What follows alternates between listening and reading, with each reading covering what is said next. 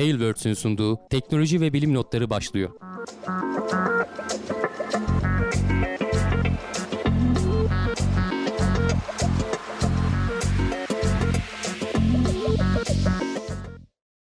Teknoloji ve bilim notlarına hoş geldiniz. Ben Hamdi Kellecioğlu. Karşımda Volkan Ekmen var. Her hafta olduğu gibi teknoloji ve bilim notlarıyla gözümüze çarpan haberlerle karşınızdayız. Nasılsın Volkan? Çok iyiyim abi teşekkür ederim. Seni sormalı. Sen de iyisin umarım.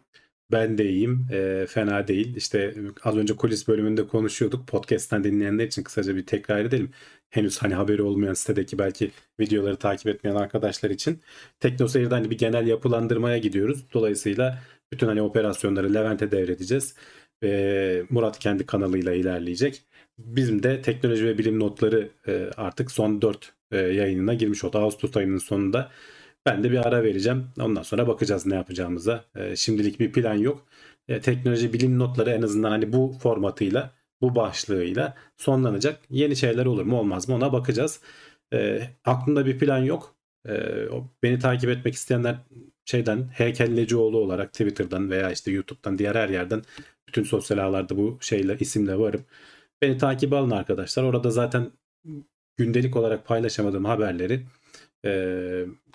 burada konuşamadığımız haberleri orada gündelik olarak belki daha sıcağı sıcağına paylaşabilirim. Bazen yazı da olur, bazen video olur. Bazen shorts çekebilirsem hiç mesela denemediğim şeyler onları belki bir öğrenmiş olurum. Kendi bu rahat alanımdan da çıkma durumum olabilir. Ee, bakacağız yani hani bunu da duyurmuş olalım. İzlemeyenler varsa podcast'ten duyup izleyenler varsa TeknoSeyir'in TeknoSeyir'in geleceği başlıklı o videosunu e, izlesinler. Orada YouTube'dan bütün ayrıntılarıyla Evet bütün ayrıntılarıyla anlatıyoruz. Hani roketler fırlatılmadan şey derler ya senin az önce konuşuyorduk T-15 falan derler. Bizim de T-4 yani sondan dördüncü evet. sıfıra geldiği zaman lift off artık fırlayıp gideceğiz buradan. nereye varacağız bilmiyorum. Bakalım nereye varırsa diye teknoloji ve bilim notları.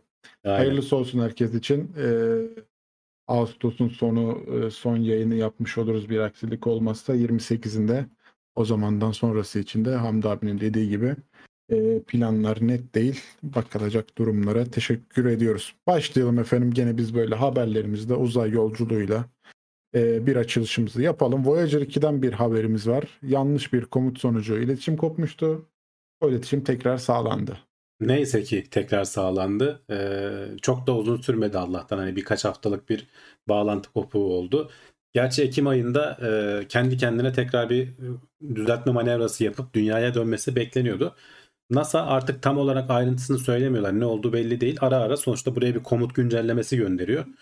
Dünyadan düşünsene 12.3 milyar kilometre ötede e, mil diyor bu hatta bunu bir buçukla çarpalım 20 milyar kilometre ötede e, bir uzay aracın var senin 40 yıldır 50 yıla yaklaştı artık gidiyor e, ve onun böyle 2 milimlik 2 derecelik pardon milim yanlış oldu 2 derecelik e, yana kaymasına neden olmuş verdikleri komut. O da e, zaten üzerindeki hani antenler falan çok da böyle büyük e, antenler değil. Enerjileri falan da artık e, kaç yıllık olduğu için gitgide düşüyor. Dünya ile iletişimin kopmasına neden oldu. Yani ayetten hiçbir şekilde haber alamıyorlardı. Sonra çok e, birkaç gün sonra e, Ağustos'un başında galiba şey duyurusu yapmışlar. Yani çok az da olsa e, anlamlandıramıyoruz ama sinyal alabiliyoruz e, dediler ve olduğu yöne doğru bağıracağız dediler aslında tam anlamıyla e, o kelimeyi kullanıyor yani shout out dedikleri. Anteni bize çevir diye şöyle. hey Voyager diye bağırmışlar yani. E, hakikaten de bir şekilde e, seslerini duyurmayı başarmışlar belli ki. E, bütün hani güçlerini vererek artık o yöne bağırınca Voyager kendi kontrol mekanizmasını çalıştırıp dünyaya geri dönmeyi başarmış ve şu anda hani aletin üzerinde en azından hani o ilk zayıf sinyali aldıklarında hani alete bir şey olmadığını zaten beklemiyorlardı. Bir şey olmadığını biliyoruz. Hani düzgün çalışıyor. Sadece bize döndürmüyor çanağını. Başka yere doğru çevirmiş durumda. Hani biraz az bir farklı dünyayı kaçırıyordu. Dediğim gibi en kötü ihtimalle Ekim ayında böyle yılda birkaç sefer bunlar dünyaya doğru kendilerini geri konumlandırıyorlarmış. Hani olur da bağlantı koparsa veya işte böyle bir yanlış komut gönderirsek böyle güvenlik mekanizmaları koymuşlar. Ekim ayında kendi kendine dünyaya dönmesini bekleyeceğiz en kötü diyorlardı ama hani 2-3 ay uzun bir süre. Ee, onu beklemek istemiyorlardı. Bu bağırma teknolojisi e, artık hani elektromanyetik anlamda bağırma nasıl oluyor bilmiyorum. Bütün hani enerjiyi sonuna dayayıp o tarafa doğru sinyali göndermişler. Bir şekilde şey de alabilmiş onu. Voyager 2 de alabilmiş ve e, dünyaya kendini geri döndürmüş. O 2 derecelik hatayı geri düzeltmişler. e, ben o mühendisin yerinde olmak istemezdim. Hani o komutları gönderen. Öyle tek bir kişinin elinden çıkmıyordur muhtemelen. Tekrar tekrar kontrol ediyorlardır. Herhalde öngöremedikleri bir e, komut seti hareketi mi oldu artık ne oldu bilmiyorum. E, o oradaki hani neden en azından görev yöneticisinin konumunda olmak istemezdim. Düşünsene. Şimdi eninde sonunda biteceğini bekliyorsun bunların süresinin. Ee, Ama senin artık, yüzünden gerçekleşirse de kötü olur. Evet yani senin yüzünden hani insanlığın şimdiye kadar gönderdiği en uzun uzaktaki araçlar. Ee, olabildiğince de çok veri almak istiyorsun. Güneş sisteminin dışına çıkan ilk araçlar bunlar. Ee, ve senin verdiğin aptal bir hata yüzünden, komut yüzünden alet iletişimi kesiyor. Ve belki daha da kötü bir şey olabilirdi. Bilmiyorum hani bu iki derecelik sapma çok daha bir, kötü bir şeyle sonuçlanabilir miydi? O ayrıntılar yok dediğim gibi. Hani bunlarla nasıl iletişim kuruluyor, nasıl komutlar gönderiliyor onları da çok bilmiyoruz ama neyse ki hani kazasız belasız hem de beklenilenden en kötü senaryo olmadan daha erken bir şekilde geçtiğimiz salı günü galiba tekrar bağlantı kurduğunu açıklamış e, NASA. E, ama eninde sonunda hani artık bunların ömrü çok sınırlı. 50 seneye yaklaştılar. İkisi de hatta geçti mi? Tam şimdi şeyini hatırlamıyorum. 78'di galiba fırlatma zamanları. Hani 50 seneye yaklaştılar diyebiliriz. Artık üzerlerindeki yakıt da bitiyor. Hani radyoizotop radyasyonla elektrik üreten sistemin de sonuna geliniyor. Zaten güneşin çok uzağına gidecekleri için bunlarda panel manel yok. O yarılanma ömrü ve yeterince bitince gitgide zaten üzerindeki ekipmanları kapata kapata gidiyorlar. Şu anda full güçle çalışmıyor. Üzerindeki sadece önemli ekipmanlar açık kaldılar. Gitgide kapatarak gidiyorlar. En son son ekipmanı da bizim teknoloji ve bilim notları gibi kapatıp hoşçakalın diyecek Ondan Voyager yoluna devam edecek. Evet. Biri karşılaşır da geri getirirse bize şayet bir gün. Evet üzerlerinde e, üzerlerinde şeyler var işte altın bir plaka var. E, insanlığı anlatan, bizim işte yerimizi belli eden, işte bazı şeyler yazan falan. Onlarla gidiyor. Hani birileriyle karşılaşırsa e, günün birinde bir ne denir? E, medeniyetle, uzaylı akıllı bir medeniyetle, bir medeniyet, evet, evet akıllı bir medeniyete denk gelirlerse ki çok zor. Hani öyle bir şeyin ihtimali milyarda, trilyonda bir bile değildir o uzayın devasa boşluğunda. Ama hani olur da zaten gidiyorsa üzerine yapıştırmışlar öyle bir şeyler. Olabilir bilemiyoruz son durumları. Hani acaba şey mi bazen bu bizim de atmosferimize girip yanan işte gök taşları var ya acaba bazı medeniyetler işte hani daha sağlam olsun diye taşla kaplayıp gönderiyor ondan sonra bizim atmosferimize giriyor. Atmosferde yok oluyor biz içindeki mesajı da alamıyoruz ya, içinden. Bize denk gelmesi bile atmos- Yok şöyle düşün. Mi? Ya tabii dünyaya denk gelmesi bile bir mucize. Hani o kadar büyük boşluklardan bahsediyoruz ki. Hani bizim sistemimize bak dünyayı bırak güneş sistemine denk gelmesi bile bir mucize. Yani Öyle evren öyle. çok büyük. O yüzden hani bu uzaylılar geldi falan bana hakikaten zor geliyor. O büyüklüğü kafamızda canlandıramıyoruz. Ya ne kadar olabilir ki diyorsun ama işte bazı animasyonlar falan var. Onları izlediğin zaman hakikaten ne kadar büyük olduğunu anlayabiliyorsun. Işık hızında gittiğinde bile bak bu Voyager'a mesajı göndermişler. 37 dakika sonra ulaşmış yani gönderdiğin mesaj. Düşünsene komutu düzeltme bağırıyorsun hey Voyager abi diye. Alet 37 dakika sonra duyuyor seni elektrik şey ışık hızında gittiğin halde yani. Yani onun bile şeyi var. Evet. E, 37 Emirhan. saat pardon 37 dakika değil. 37 saat tabii yanlış söyledim. Ha, pardon evet düzeltelim. Daha da beter Emir... yani. Emirhan 220 TL'lik bir destekte bulunmuş. Çok teşekkür ederiz e, desteği için. Ve Ares de 110 TL'lik bir destekte bulunmuş. Ona da çok teşekkür ediyoruz. Bu Destekleriniz için sağ olun arkadaşlar. Desteklere devam. TeknoSeyir sonuçta devam. şey olmadı. Levent'in de sonuçta bu desteklere ihtiyacı var. Bizim yayınlar olmasa da mutlaka aboneliği falan devam ettirin yani onlardan evet. geri durmayın. Evet şimdi e, NASA demiş ki Ay'a e, bir e, robot gönderelim. Sonra demiş ki ya bir tane robot değil de bir robot sürüsü yani gezgin sürüsü gönderelim. Daha iyi olmaz mı? Bazı şeyleri de test ederiz diye. Evet hem de çok yakın bir zamanda gelecek sene bunu bunları göndermeyi planlıyorlar. Küçük aletler yani hani her biri e, işte bir böyle hani bond çanta derler ya bir elde taşınabilen işte iş çantası gibi büyüklüğünde aletler. Bunlardan 3 tanesini göndereceklermiş. Üzerlerinde çeşitli işte bilimsel şeyler de var. İşte yerin altına inebilen radarları falan var. İşte 3 boyutlu yerin haritasını çekebilen kameraları var. Ama asıl amaç 3 ee, tane robot otonom bir şekilde bak bu önemli. Otonom bir şekilde kendi arasında anlaşacak ve verilen görevi yerine getirecekler. Hani e, bunda da aslında şöyle e, şöyle hani görüntülerini de bir yandan göstereyim. Yerilen, verilen görev böyle çok net bir görev değil. Hani diyecek ki NASA'nın uzmanları gidin şurayı kontrol edin. Şu bölgeyi haritasını çıkarın diyecek. Yani böyle genel bir görev vereceksin. Sonra bu üçü alıyor. İçlerinden bir tanesini yönetici seçiyorlar. Lider seçiyorlar. Onun verdiği komutlara göre kendi aralarında anlaşarak ve o yerde az önce şu anda ekranda gördüğün gibi engelleri falan nasıl aşacaklarına kendi kendilerine karar verip aynı anda birbirleriyle de iletişim halinde olarak e, o görevi yerine getirmeye çalışacaklar. Aslında bir deneme görevi bu.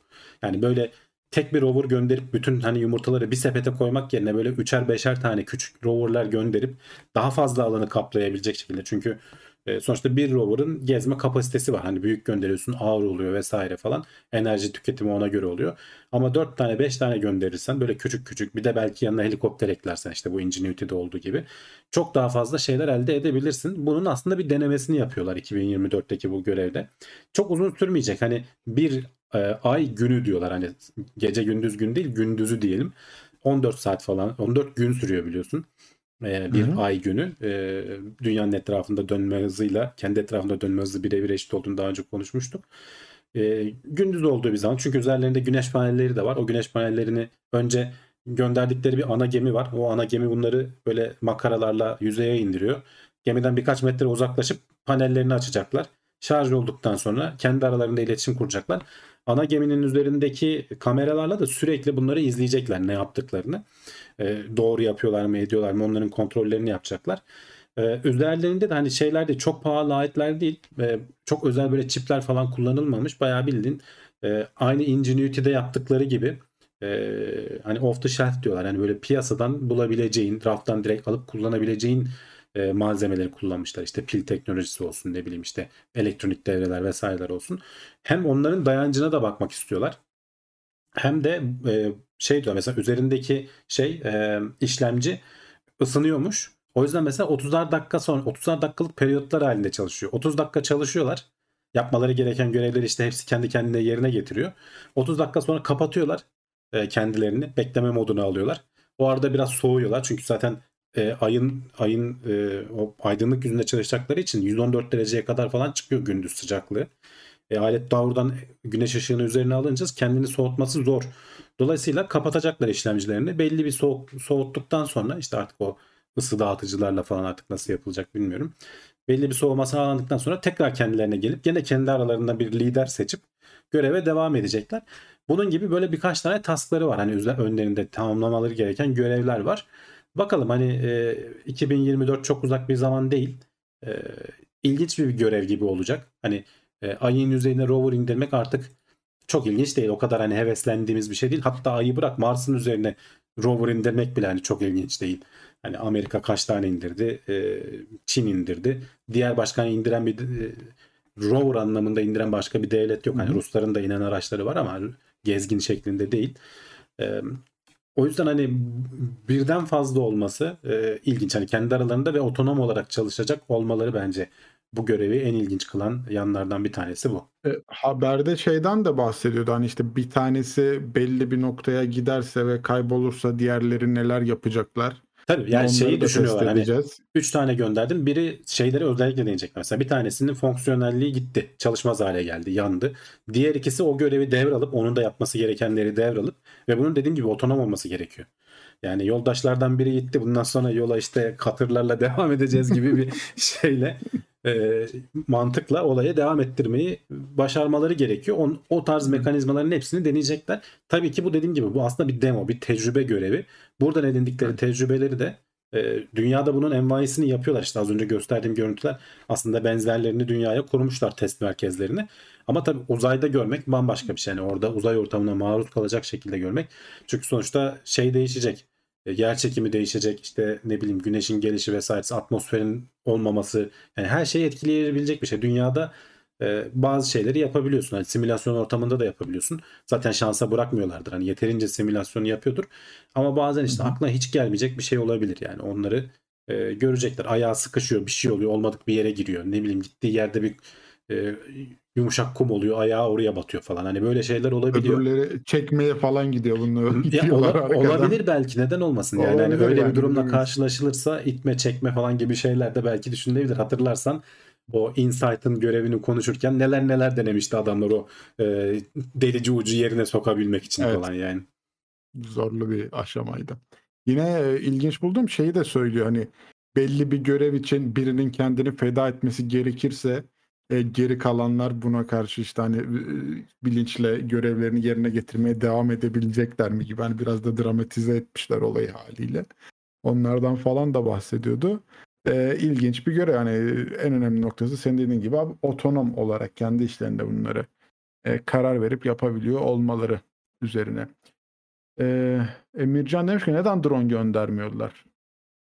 Yani drone da gönderebilirler. Hani Ay'a drone gönderemiyorlar atmosfer olmadığı için.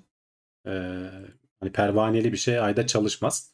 Bir arkaya itecek bir atmosfer olması lazım. Mars'ta bile yani yüzde biri olduğu için dünyanın çok hızlı Evet. dönmesi gerekiyordu o pallerin. Ee, ama mesela şeylere gidecek. Ne bileyim Titan işte Satürn'ün uydusu Titan. Ee, oraya şey göndereceğiz. Ee, onun çok da yoğun bir atmosferi var. Ee, orada rahat rahat uçabilecek bir şeyler göndereceğiz. Hani atmosferi olan şey yerlere mutlaka havadan uçabilen bir nesne de göndermeyi planlıyor NASA. Evet. H Kurt 25-39 aydır üyeymiş. Teknoseyir Plus grubuna gelmiş. İyi yayınlar demiş. Teşekkür ederiz desteği için. Eksik olmasın. Destek, Destekler yağıyor maşallah. Evet. Doğancan Özsel de 55 TL'lik bir destekte bulunmuş. Şimdiye kadar hemen her hafta takip ettiğim harika bir programdı. Tüm emekleriniz için teşekkürler. Sağ olun, var olun demiş. Biz teşekkür Biz de ederiz. teşekkür ederiz. Hem desteği için hem de izleyerek e, programın e, bir katkı sağladığı için. Diyelim. Devam ediyoruz yine. E, Ay'a giden araçların parçaları geri dönüştürülüp tekrar kullanılabilir mi diye gene e, çılgınca projelerden birini tartışacağız. Çok çılgınca değil aslında. Mantıklı olanı yapmayı adamlar öngörmüşler ama tabii yapılabilir mi yapılamaz mı? Ne yöntemle yapılabilir? çılgınca dedim. Buyurun. Onu çözmek lazım. Şimdi ayda e, metal madenleri falan olabileceğini biliyoruz. Hatta olduğunu biliyoruz ama sonuçta yarın bir gün bir koloni kurulacağı zaman hani in situ resource utilization diyorlar yani olduğu yerde kaynakların kullanımı. Bu her zaman konuşuluyor. İşte ay toprağından beton yapabilir miyiz? İşte oraya gittik aydaki suyu alıp oksijeni hidrojeni ayırıp yakıt olarak ve oksijen olarak kullanabilir miyiz? Bunlar hep düşünülüyor. Ama oraya gidip de bir mekanizma kuracağımız zaman, bir koloni kuracağımız zaman mutlaka sonuçta giderken e, bir, bir yanımızda işte bir belli bir miktar e, metal vesaire falan bir şeyler götüreceğiz ama olduğu yerdeki şeyleri kullanmak avantajlı. Şimdi ayda e, dediğim gibi metal şeyleri olduğunu biliyoruz. E, ne denir, madenleri olduğunu biliyoruz ama bunları çıkarıp işlemek enerji anlamında çok yoğun bir şey. Yani yapmak oldukça zor. Dolayısıyla buradaki e, bu özel bir firma e, ESA'dan destek alarak bunu yapmış. E, firmanın adını unuttum ama şimdi birazdan haberde görürüz. E, bu projede şunu deniyorlar. Ya biz buraya sonuçta bir sürü yüzeye inecek araç bilmem ne vesaire gönderiyoruz. Bunların bazıları orada çalışıyor bazıları bir yerden sonra çalışmaz oluyor.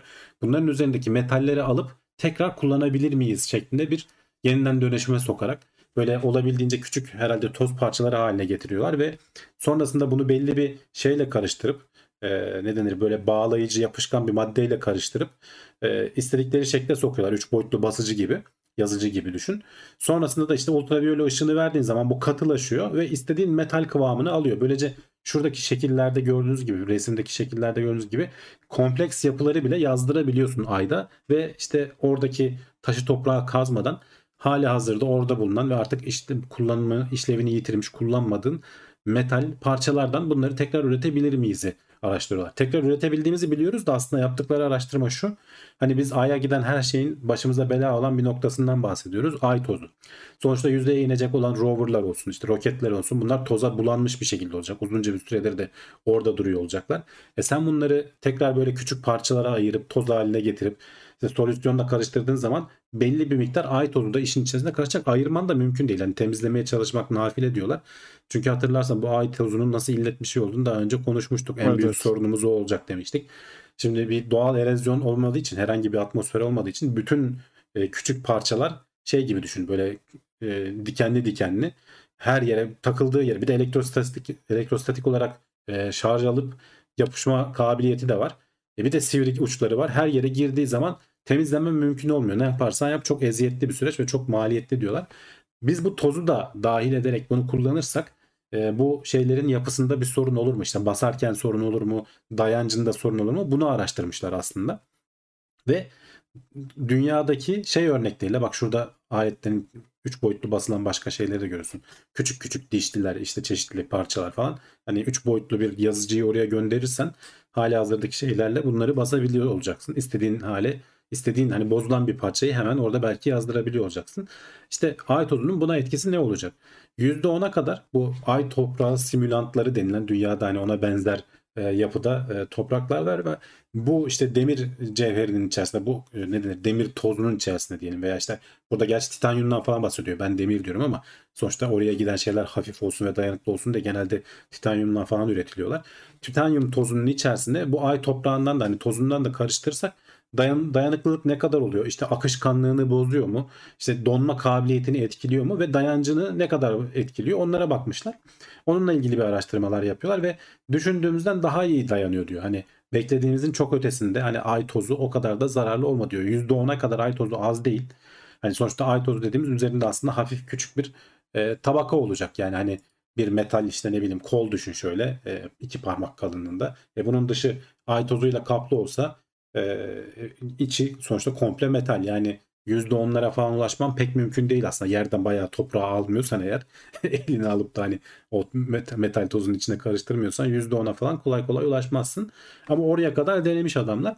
Yani yavaş yavaş gördüğün gibi e, baya baya altyapısını yapan neredeyse 2-3 bölümde bir e, böyle şeyler konuşuyoruz. İşte oraya gittiğin zaman suyu üretip nasıl kullanılacağını düşünenler var. İşte tekrar burada yeniden dönüşümü düşünenler var.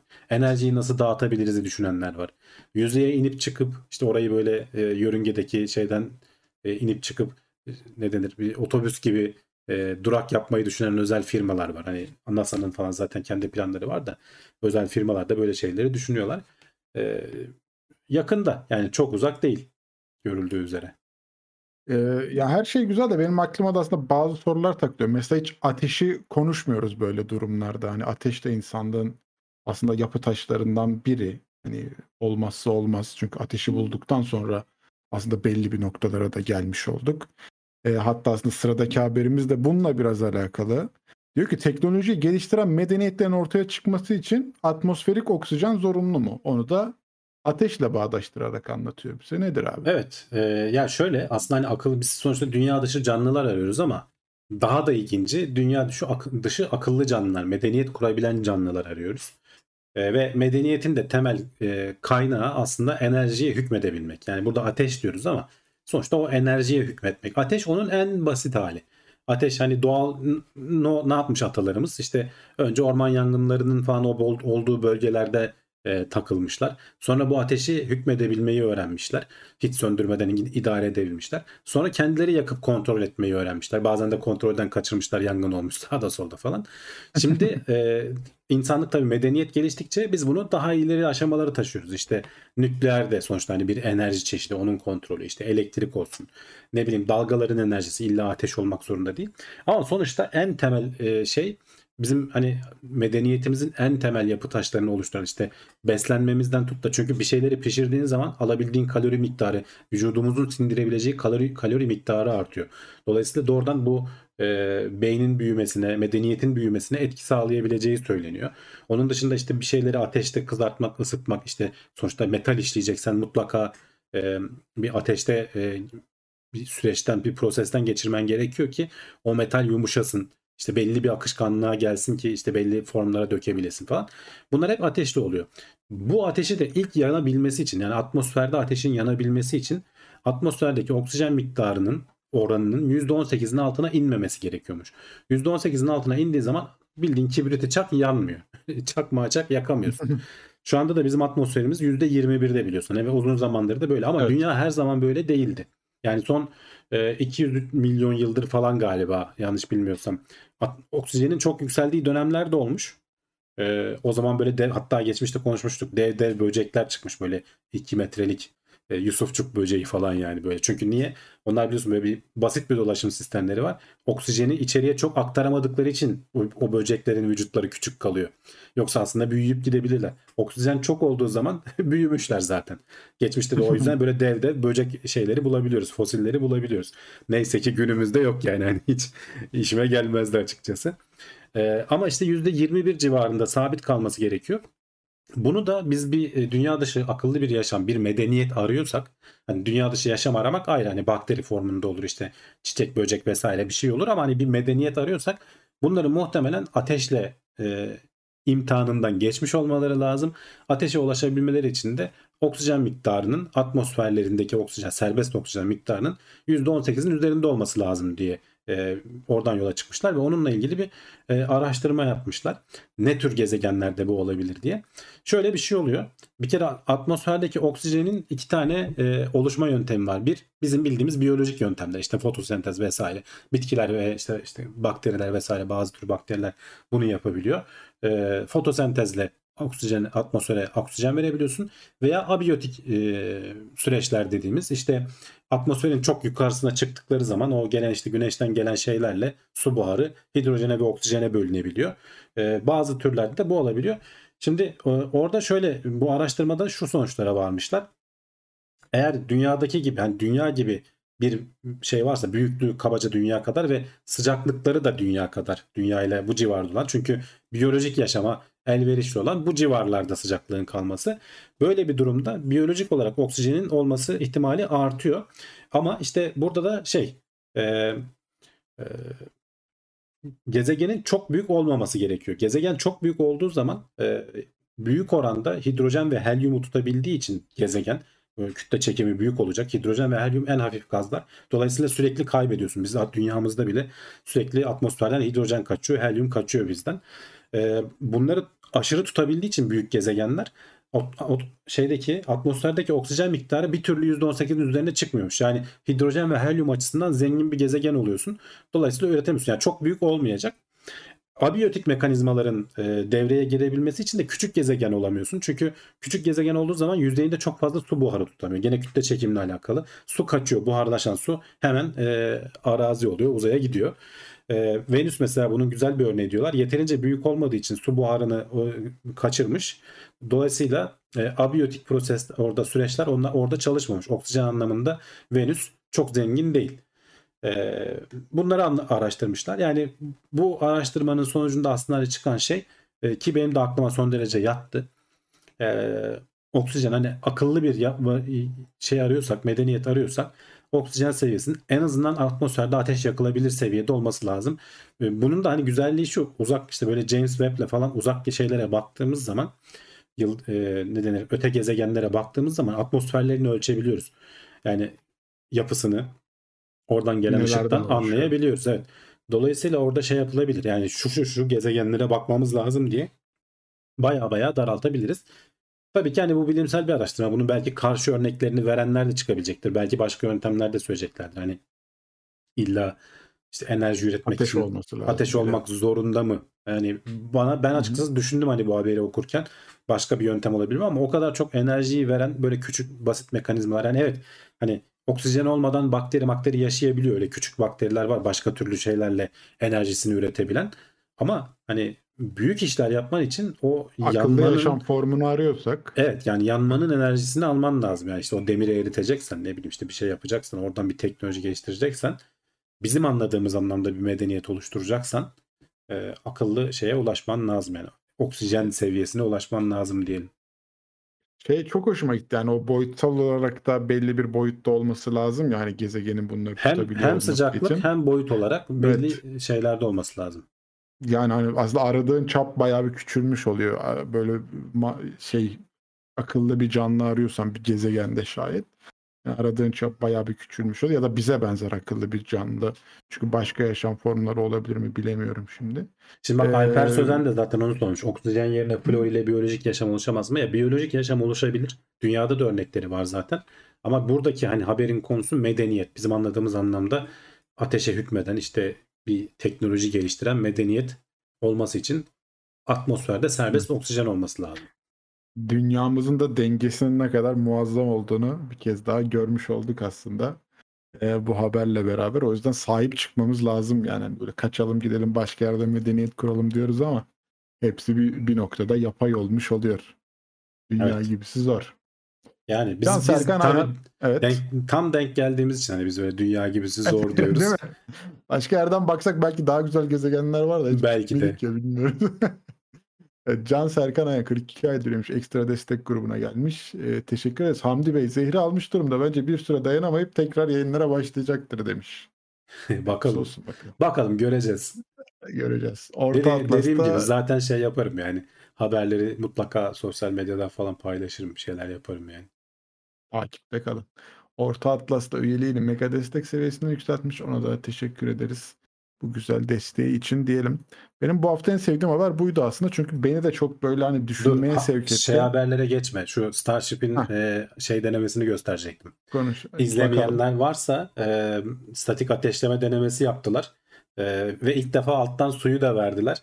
Bayağı bildiğin pofuduk böyle buharlar çıkıyor. Hani suyu önce şey yapıyorlar sonra yukarıdan da alevi verince bir sonraki hani gerçekten ate- bu çok kısa sürdü. 2 saniye mi 2,5 saniye mi sonra da erken kapattılar. Belli ki bazı şeyler düzgün çalışmadı. Çok da ayrıntısını paylaşmadılar. Şöyle görüntüsünü göstereyim bir yandan. Alttan işte duş başlığını çalıştırıyorlar. Alet üflemeye başlıyor suyu. Üstten de 33 tane işte o Raptor motoru çalışınca bayağı e, pofur pofur duman çıkıyor. Yani uzaktan bir sonraki denemeyi Eylül ayında falan izlediğimiz zaman dur bakayım nerede bunun şeyi. E, heh, şu deneme anını alayım da biraz ileri.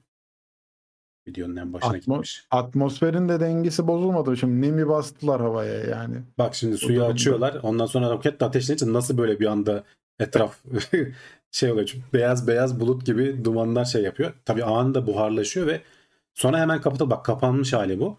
Yani 2 saniye, 2,5 saniye falan motorlar ateşlenmiş bir şekilde çalışıyor. 4 motor falan ateşlenmediği söyleniyor. Hani ateşleme esnasında bir sebepten dolayı kendini kapattığı söyleniyor.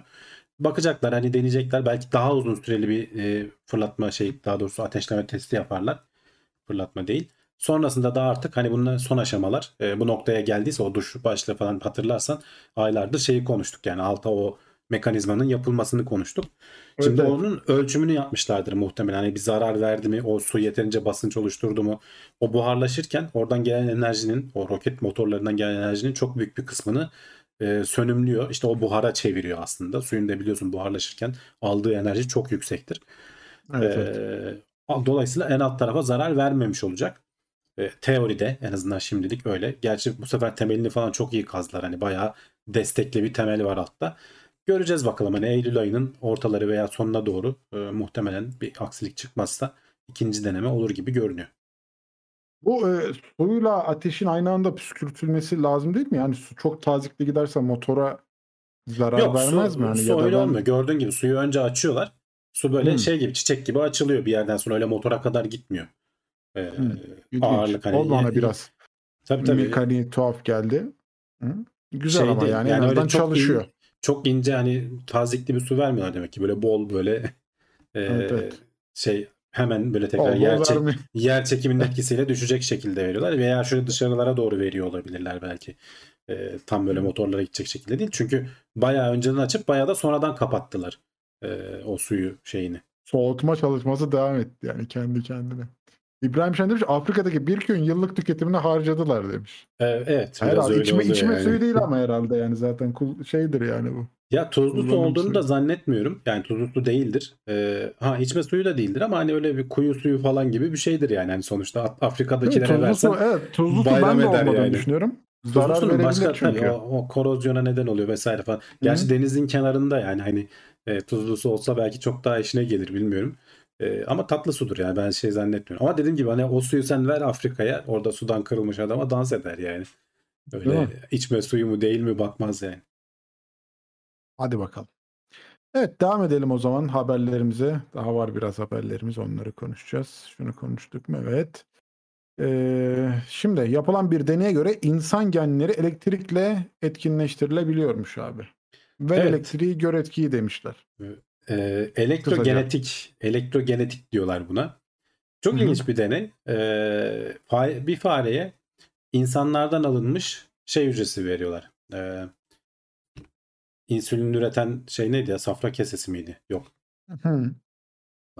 Dilimin ucunda ve takıldım kaldım şimdi. Ben de şimdi Türkçesi burada bulmam lazım. Ee, dur bakayım. Tamam. Bulacağız. Pankreas, pankreas. Ha. Hı. Ee, pankreas hücresini insandan alıyorlar. Ee, bu tip 1 diyabeti olan e, fareye enjekte ediyorlar. Ee, ve akupunktur iğneleriyle doğrudan akım veriyorlar bu hücrelere. Bu hücrelerde bu serbest oksijen e, radikalleri mi işte e, denilen bir şey oluşturuyor. Çok zarar vermeyecek seviyede. Normalde bunlar hani kanserojen etkileri vesairesi olduğu söylenir ama az miktarda olduğu zaman oradaki bu insülin hücrelerini, insan insülin hücreleri bu arada e, tetikleniyor ve şey üretmeye başlıyorlar. İnsülin üretmeye başlıyorlar ve farenin e, şeyi düzeliyor. Ne denir? E, kan şekeri düzeliyor. Ve bunu e, çok da elektrik de tüketmiyor. Hani 3 tane kalem pille 5 sene çalışabilecek seviyede. Hani öyle çok az bir doğrudan akım veriyorsun. Ve sürekli de vermek zorunda değilsin. Hani belli aralıklarla verip e, insülini ürettiriyorsun. Sonra otomatik kapanıyor. Çok tabii ki emekleme ilkel aşamada bir şey. Yani yarın bir gün aynı hani kalp pili gibi belki böyle bir alet senin pankreasına işte böyle elektrotları takılacak. E, bir kenarında da pili olacak. O pili de muhtemelen içine takarlar. Ee, ve sen hani o diyabet hastalarının e, kan şekerleri otomatik olarak ölçümünü de yapar. Hani vücudun içerisinde olduğu için e, kan şekeri ölçümünü de yapar. Duruma göre hormonun verilmesini veya verilmemesini sağlar. Bunu şu an için hani fareler üzerinde bunun işleyişini görmüşler. Genetikle ne alakası var dersen şimdi e, şey diyorlar hani evet doğduğumuz andan ölene kadar hani genlerimiz aşağı yukarı aynı oluyor değişmiyor ama bu genlerin okunuşu ve işleyişi değiştirilebiliyor. Hayatımızın farklı evrelerine göre veya işte ortamda bulunan e, kimyasal duruma göre. Burada da aslında tetikledikleri bu. O işte e, serbest oksijen şeyleri dediğimiz türleri dediğimiz e, madde bu şeyin e, genlerin okunumunu değiştirip e, epigenetik deniyor buna. Yani gen orada aynı gen ama aktif olmayan bir alanı aktif hale geliyor ve hücrenin başka türlü davranmasına neden oluyor. Bunu tetiklemeyi başarıyorlar. Ve işte artık hani elektrogenetik çağı başladı gibisinden bir e, başlık atılmış burada hani haberde. E, böyle bir cümle kullanılmış diyeyim. E, ilginç yani gelecekte e, belki hani böyle e, metabolizma ile ilgili olan dengelenmesi gereken bazı şeyler aynı işte kalp bilinde nasıl kalp ritmini dengeliyorsa kalbin atışı için gereken o ritmin dengesini kalp bili veriyorsa burada da e, giyilebilir bir şekilde hani vücudumuza entegre veya belki de giyilebilir bir şekilde böyle bir teknoloji ileride e, ne denir, diyabet hastalarına sunulmuş olacak. Giyilebilir evet. bir teknoloji demişken hani buraya ayrı haber olarak almadım ama bu hafta e, denk geldi. E, geçmişte bize de konuk olduğunu hatırlıyorum haberlerde. Canan Dağ deviren e, MIT'de çalışan bir Türk e, bilim insanı e, elektronik sütyen geliştirmiş. Meme kanseriyle mücadele için sürekli yani e, sürekli giyilen bir şey değil ama normalde hani meme kanserini ne yapılıyor e, kadınlar işte yılda bir kere yaşına göre bazen iki yılda bir kere doktorun artık tavsiyesi neyse gidip mamografi falan yapman gerekiyor. E, o aletler de hani hem radyasyon veriyorlar vücuduna belli bir miktar hem de eziyetli aletler işte o, o fiziksel olarak falan acı da verebilen aletler. Çünkü sıkıştırmak falan gerekiyor rahat doğru fotoğraf çekebilmek için. Sıkıntılı bir durum yani. Bunların olmamasını sağlayan ve kendi kendine evde işte şeyini karar vermemişler henüz aralığına karar vermemişler. Gene giyilebilir bir teknoloji. Takıyorsun alet e, üzerindeki piyozoelektriklerle ultrason yani hani radyasyon vermeden ses dalgalarıyla ölçümünü yapıyor. Bunları kayda alıyor. Bunlar işte bir muhtemelen uygulaması falan da olacak. Geçmişte de zaten giyilebilir kalp pili falan gibi bir şey geliştirmişti yanlış hatırlamıyorsam Canan Hanım. E, MIT'de bu alanda hani e, bayağı ismi o çevrelerce bilinen birisi. E, böyle bir proje geliştirmiş. E, gelecekte hani bu tarz böyle giyilebilir insan sağlığını hani zaten saatlerle falan artık pek çok şeyimizi takip edebiliyoruz. İleride bunların daha da işte az önceki e, pankreas hücrelerinin tetiklenmesi gibi olsun belki vücudumuza giydiğimiz ekipmanlarla, elektronik ekipmanlarla hem sağlığımızı ta- takip edebileceğiz hem de belki müdahale edebileceğiz belli metabolizmalara. O anlamda bu iki haber ardarda arda denk gelmişti. Ee, ilginç gelişmeler oluyor. İlk habere e, dönelim hemen. Şey e, dediğin gibi hani bunun bir e, belli bir miktarda elektrik sinyaliyle iletilebiliyor olması ve tedavi edici olması gerçekten muazzam bir şey. Yani belki başka konulara da gene buradan bir yol haritası çıkarılarak e, düzenekler kurulup e, belki bir başka tedavi yöntemlerinde de kullanılabilir diye düşünüyorum. Çok ilginç geldi. E, gene meme kanseriyle alakalı da e, yapılan çalışma gayet e, başarılı. E, umuyoruz ki güzel sonuçlara çıkar Evet. diyelim. Mehmet Aybars demiş ki bununla uğraşacağına türbülans engelleyen çip yapsaymış demiş. Biliyorsun değil mi Evet hikayeyi? öyle bir haber de vardı. bir yani ablamız. bu, bu bize özgü değil arkadaşlar. Amerika'da bunun e, o ablamızın e, ağa babası var yani. Neydi? Elizabeth bir şeydi. Holmes, Elizabeth Holmes. Milyarlarca dolar dolandırdı yani. Hani bizimki 20 milyon dolar mı ne? 20 milyon lira toplamış galiba yanlış haberlerden Yeter. hatırlamıyorsam. Az para değil tabii ki yani çok büyük para. Artık nasıl ikna etti insanları bilmiyorum. Ama hani Amerika'da topladığı zaman milyarlarca dolar topluyor. Şimdi hapse de girdi doğru düzgün de yatmadı. Anne olacağım dedi bir şeyler oldu falan. Sonunu da hatırlamıyorum ama hani hakkında belgeseller falan çekildi yani. Baya baya o neydi firmasının ismi de Ee, tek bir damla hani onun söylediği de tek bir damla kandan işte bilmem kaç tane ölçüm yapıyoruz ee, falan gibisinden öyle tokatlamıştı. Bu da türbülansı engelleyen çip.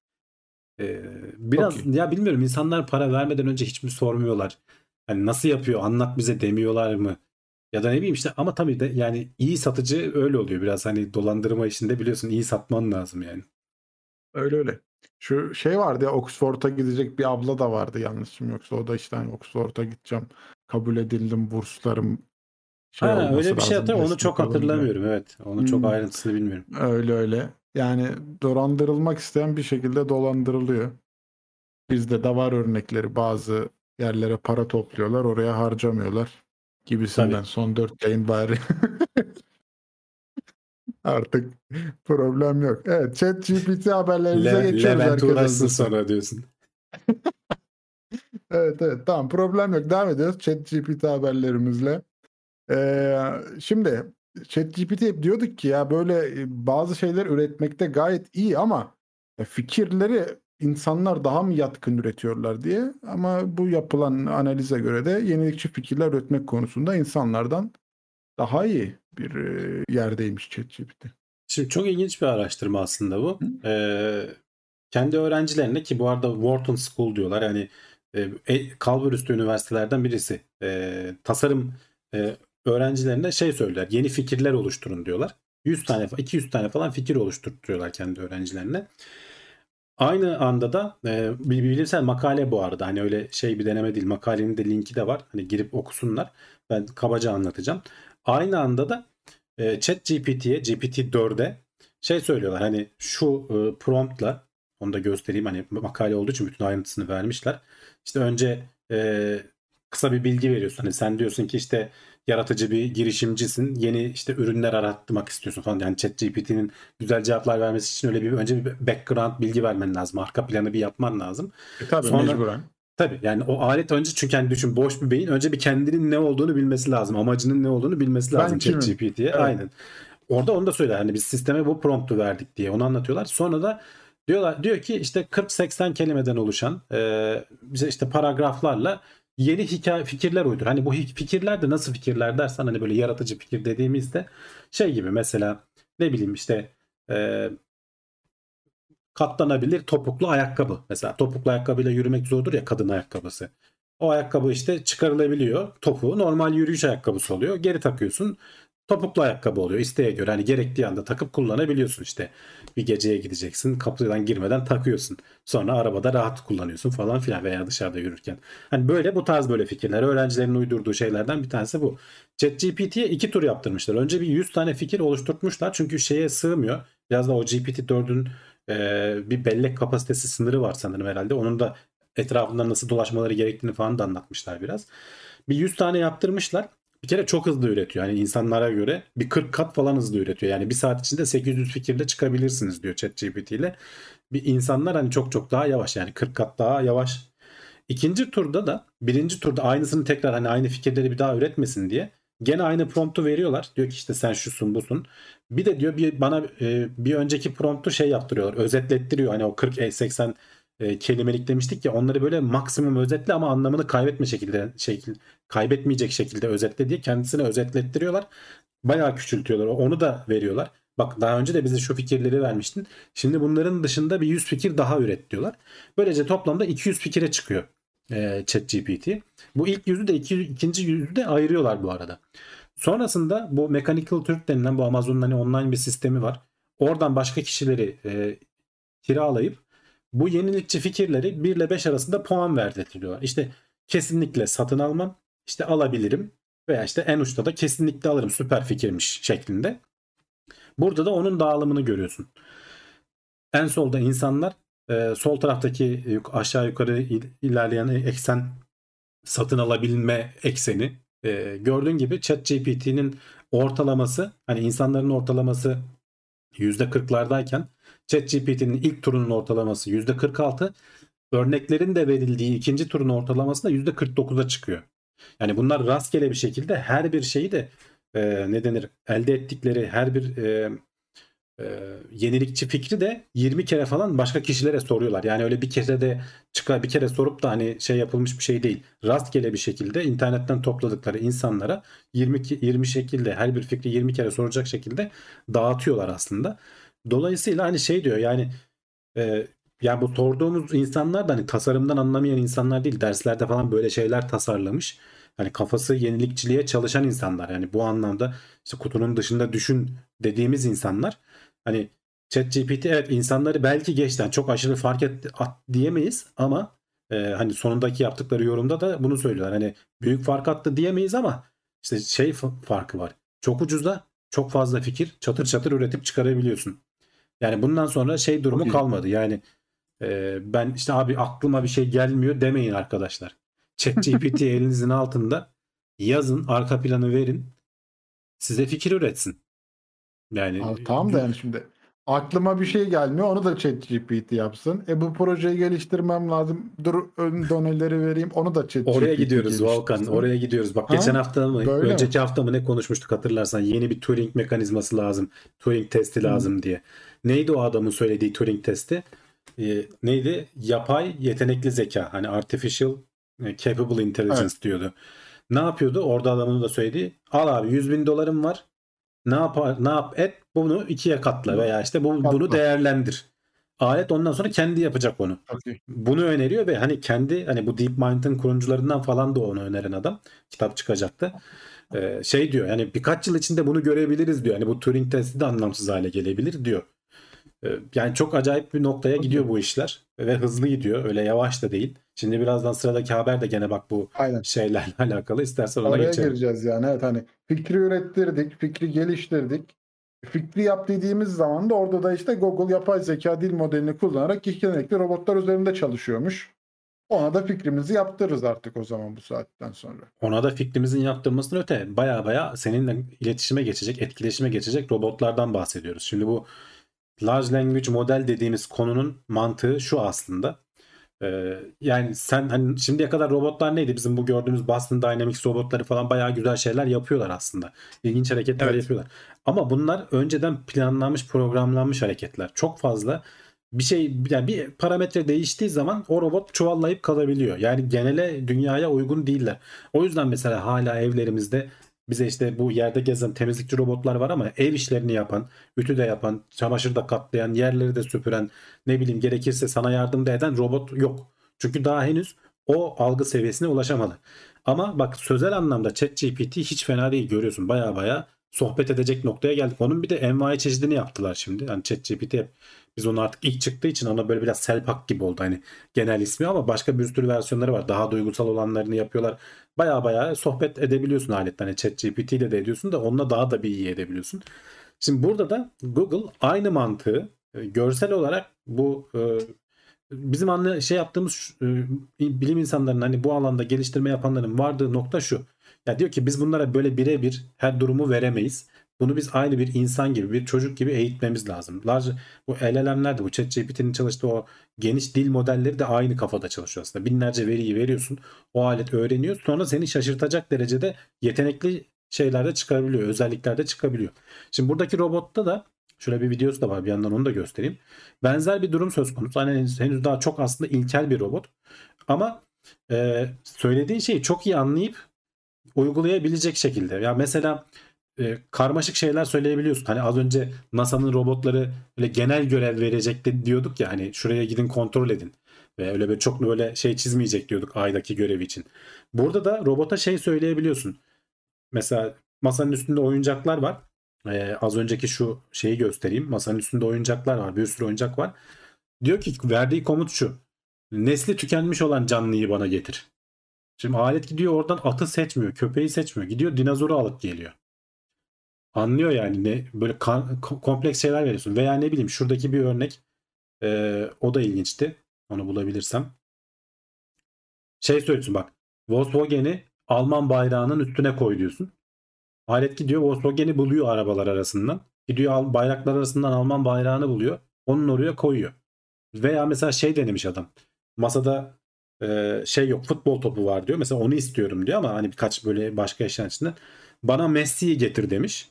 Alet baktı diyor futbol topunu aldı geldi diyor. Yani anlam çıkarabiliyor. Ona en yakın olabilecek şeyi bulup getirebiliyor. yani e, bu e, işte bunun sonraki aşaması artık e, genel olarak akıllanıp hani bizim söylediğimiz kompleks ve ortamdaki karmaşık şeyleri de çözüp hareket edebilecek. Bak bir görüyorsun kameraları var. Zaten hani 3 boyutlu ortamı anlayabiliyor. E, ve şey yapabilecek yani seninle etkileşime girebilecek. İşte şunu getir dediğin zaman yapacak. Bunu yap dediğin zaman anlayacak. Mesela bak burada mesela çekmeceden bir şey çıkartıyor. Bak şimdi onu çekmeceye geri düşürtüyorlar. Ee, gene robotlara eziyet söz konusu orada. Alet ısrarla onu alıyor lan olmadı bak çalışmadı deyip en sonunda serbest bıraktığında çekmeceyi geri kapatıyor falan. Veya ne bileyim bazı güvenlik önlemleri falan alabiliyorsun. Mesela şey yapabiliyorsun diyorlar. Ee, bir kere arkasına bir güvenlik butonu koymuşlar kırmızı. Hani olmadık bir şey yaparsa basalım durduralım şeklinde. Ama en, en önemlisi abi şu an. Bence. en önemlisi aynen. Herkesin takıldığı nokta. Ee, Kapatma butonu var mı yok mu yani? Ya Evet. var da bir yerden sonra çalışacak mı ondan emin değiliz işte. Ama başka şeyler de koymuşlar. Mesela hani dolu su bardağını almıyor mesela. Onun dolu olduğunu biliyor. Dökebilir çünkü elini görüyorsun biraz böyle şey. ben bu Ee, işi başaramam deyip Ha, yeteneksiz bir eli var şu anda. İleride belki o da olacak ama o dolu su bardağına dokunmuyor. Veya bir insana zarar verme ihtimali varsa o hareketi yapmıyor falan gibi şeyler var diyorlar. Şimdi herkesin bizim aklımıza gelen soru herkesin aklına geliyor tabii. Bir de işte arkasına kocaman kırmızı düğme koymuşlar. Hani o anda ne varsa bırak elinden dur şeklinde. Halt düğmesi yani anında durdurma şeklinde. Önemli olan bizim metrobüs kapısına sıkıştırıp sıkıştırmayacağı abi şu an bence. Vallahi en önemli nokta Me- orası yani. metrobüs kapısı değil de eliyle bile şöyle pıt pıt diye böyle ka- kafamızı sıkıp şöyle şey yapabilir yani. Tehlikeli.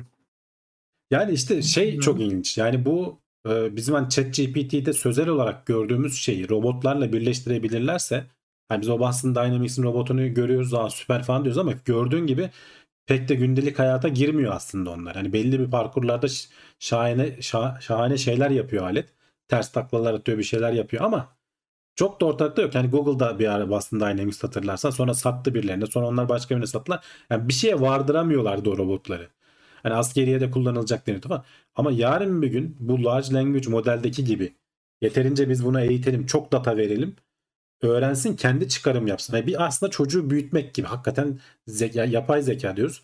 Aynen bildiğin çocuğun zekası nasıl böyle gördüğü o üçgeni o yuvarlaktan geçirmeye çalışır ya bebekler. Ondan Evet. sonra öğrenir ha bu kareden geçecekmiş bu kareymiş diye. Aynısını robota da yaptıra yaptıra öyle öğreteceğiz belli ki. Tabii ki biraz daha hızlı olacak. Hani bir insan gibi onlarca yıl gerekmeyecek. Bunlar çünkü çok daha hızlı veri işleyebiliyorlar. Bu, bu yoldan gidecekler gibi görünüyor ve çok da uzun sürmeyen bir dönem içerisinde bayağı hani şimdi artık nasıl bir 10 sene önce kimsenin evinde şu yerde yüzden yürüyen robotlar yoktu değil mi?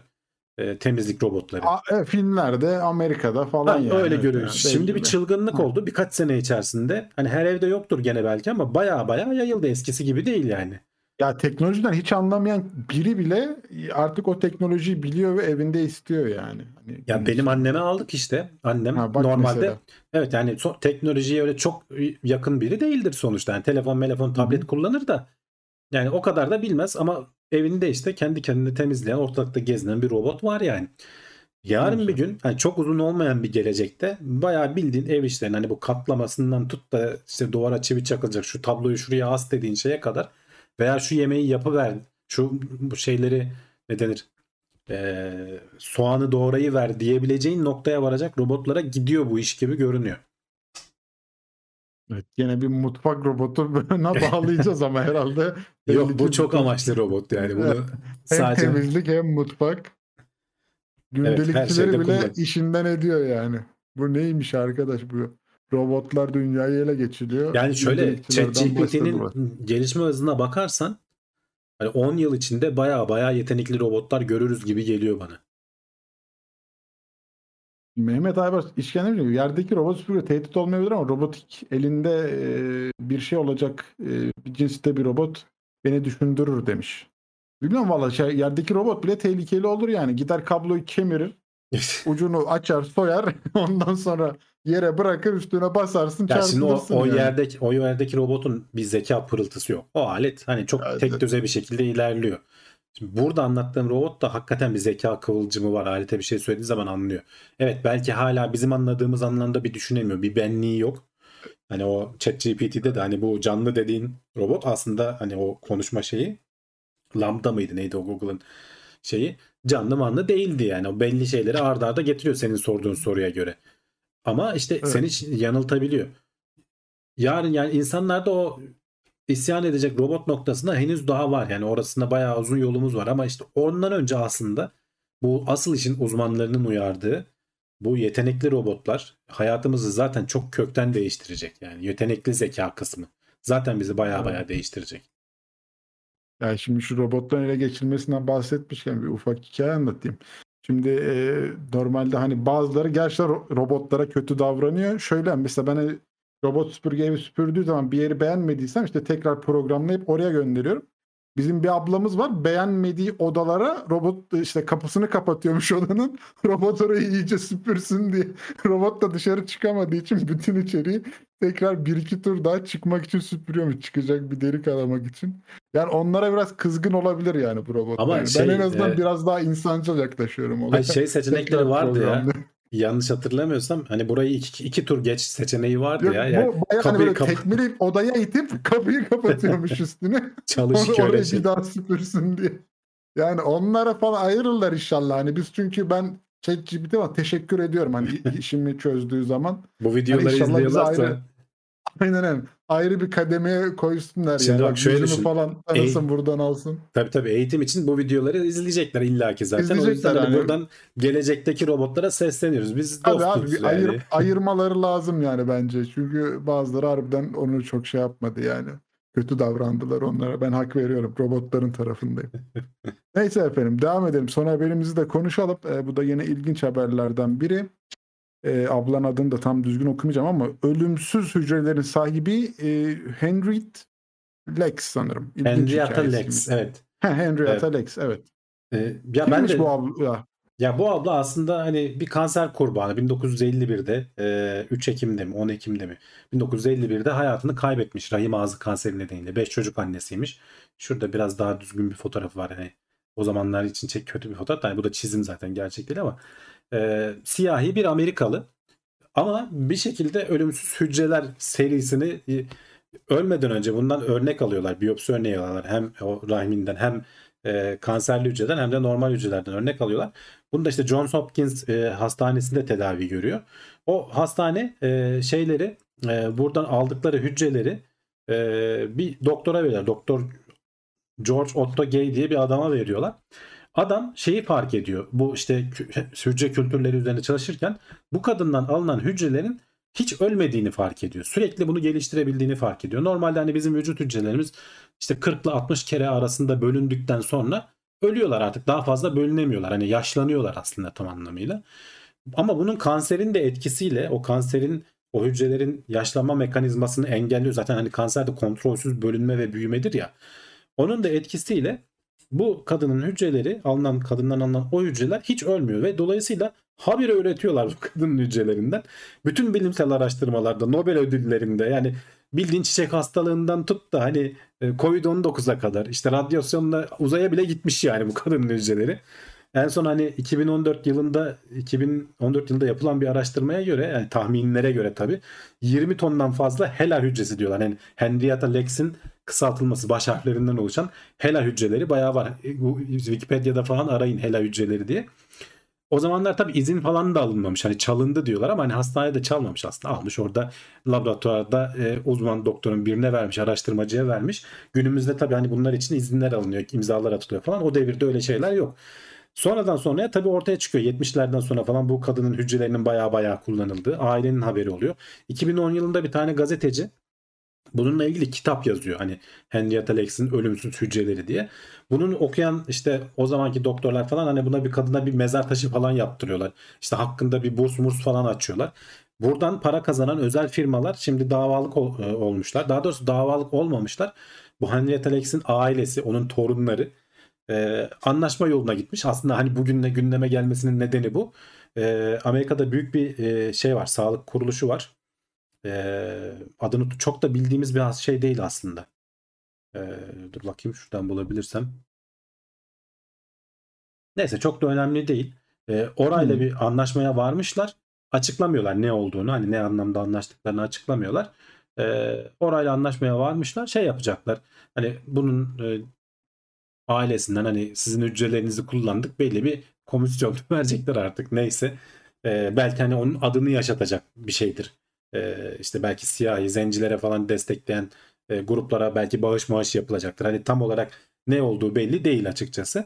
Ama e, hikaye ilginç yani kadın ölmüş gitmiş hayatını kaybetmiş ama hücreleri ve hep aynı hücreler hani kullanılması için ve işte ölmediği için ve kolay üretilebildiği için e, tekrar tekrar bu kadının hücreleri tutmuş.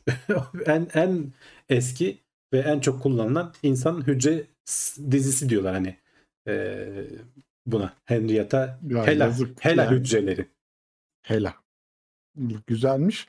Hani şey belki de kadın belki dünyadan yok olmak istiyordu ama birileri mecburen onu yaşattı. Hem de hem uzaya gönderdi hem radyasyon verdi.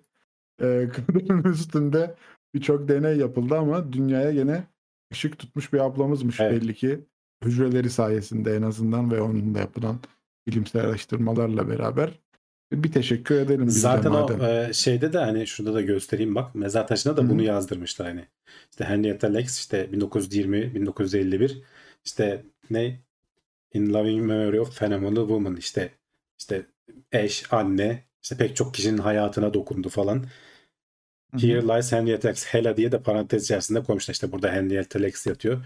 Ölümsüz hücreleri işte insanlığa hizmet etmeye sonsuza kadar devam edecek falan gibi böyle bir mezar taşı yapmışlar kadına. Bir bunu hani Tabii. yapan e, o, kita- o kitabı okuyan işte Moore, Moore, Morehouse School of Medicine tıp okulunun Roland Patillo diye hani oranın yöneticisi böyle bir şey önermiş. Başkaları da Johns Hopkins falan da biz işte bu kadın adına burs veriyoruz. Biz biz zaten satmadık. Biz buradan da hiç gelir elde etmedik falan diyorlar. Bu arada 2010 yılında bir tüp HeLa hücresi 260 dolara falan satılıyormuş. Hani ürettikten sonra e, bilimsel amaçlı kullanıyorsun. Bazıları da bunu üretiyor. Bu e, anlaşmayı yapan yer de bu Thermo Fisher Scientific denilen bir firma. Daha çok böyle zaten hani e, deney kitleri vesaire falan gibi şeyler üreten bir firma. Bu arada milyar dolarlık falan büyük bir firma. E, iyi bir anlaşma yapmışlardır diye tahmin ediyorum. Torunu tabii röportaj Evet. yapmışlar. İşte benim babaannemi e, ne laboratuvar faresi gibi kullandılar falan diye böyle hani biraz damar yapmış da ya ablacığım bir örnek almışlar alt tarafa hani öyle çok da laboratuvar faresi olmamış yani hani kadıncağız örnek alınmış sadece o örnekte ilginç bir özellik gösterdiği için o oradan almış gitmiş. O zamanlarda hiç kanun yok bir şey yok hani bu konularla ilgili. Hiçbir kötü niyet yok yani ortada. Ama tabii onur etmek lazım sonuçta bir insanın kalan şeyler yani genetiği aslında. Mecburen mecburen canım hani biz de saygılarımızı sunarım buradan. Kendisine teşekkürlerimizi iletelim. Evet efendim son haberimizdi Ee, bu haftaki burada. Ee, şimdi ne yapıyoruz? Bir yere ayrılmıyoruz. Neden? Kulis bölümüne geçeceğiz. Ee, soru cevap, sohbet, muhabbet devam edecek. Siz hala yayını beğenmediyseniz aşağıdan beğen tuşuna basarak son 4 yayınımızı şereflendirebilirsiniz.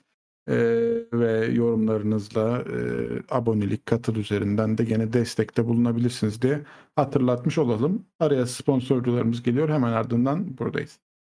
Bu e, yayın başlamadan önce birileri şey sormuştu. LK99 ile ilgili haber var mı diye. Pek bir haber yok arkadaşlar. Geçen haftadan beri ben bir e, yeni bir şey göremedim açıkçası. Bir, biz de sentezleyebildik diyenler oldu ama pek de bir şey de gösteremediler herhalde. Yani eğer ortada gerçekten bir şey olsa çok daha fazla gündeme girerdi. Bu hafta hiçbir yerde gündeme girmediğine göre henüz daha bir ses yok. E, şeyle merakla bekliyoruz LK99'u. Gitmeden çözülürse o işte tatlısıyla halletmiş oluruz inşallah. Onu da o defteri de kapatmış oluruz. Evet. Disney konusunda ufak da olsa değineceksiniz değil mi demiş Devrim. Yani bizim konumuz değil. Disney ile ilgili ne değineceğim yani. Çok da değineceğimiz bir konu değil. Gereğinden şey söyleyeyim hani madem soruldu. Bence gereğinden fazla büyütüldü ya bu yani. Disney'e ihtiyacımız mı var Allah aşkına yani. Atatürk'ün büyüklüğünü göstermek için. Yani geçeceksin bence. Çok gereksiz. Değindik. Değinmiş olduk evet. Tuğal'dan haber yok. Ay'a inecektik. Ay'a çarpacaktık. Ee, henüz daha haber yok. Yani hani bir görev planı bilmem ne falan gibi bir şeyler paylaşıldı. Astronotlarımız bir işte ISS'e gidecek bu yılın sonuna doğru inşallah. Bunları Onları da yolcu edemedik ya. Yani Allah. onu- o, o daha hani plan çerçevesinde ilerliyor. Hani orada NASA'ya falan hani timetable onlara bağlı. Ama bizim kendi hani uzay şeyimiz ayı vurma hedefimiz başka bir şey. Ee, orada kendi motorumuzla gitmek istiyoruz. O hi- hibrit itki motoru var. Delta V'nin geliştirdiği. Orada hani belki bir gelişmeler falan bekleniyordur. Bilmiyorum. Hani çok da çok da bir bilgi gelmiyor. En kötüsü bu. Yeterince aydınlanamıyoruz yani.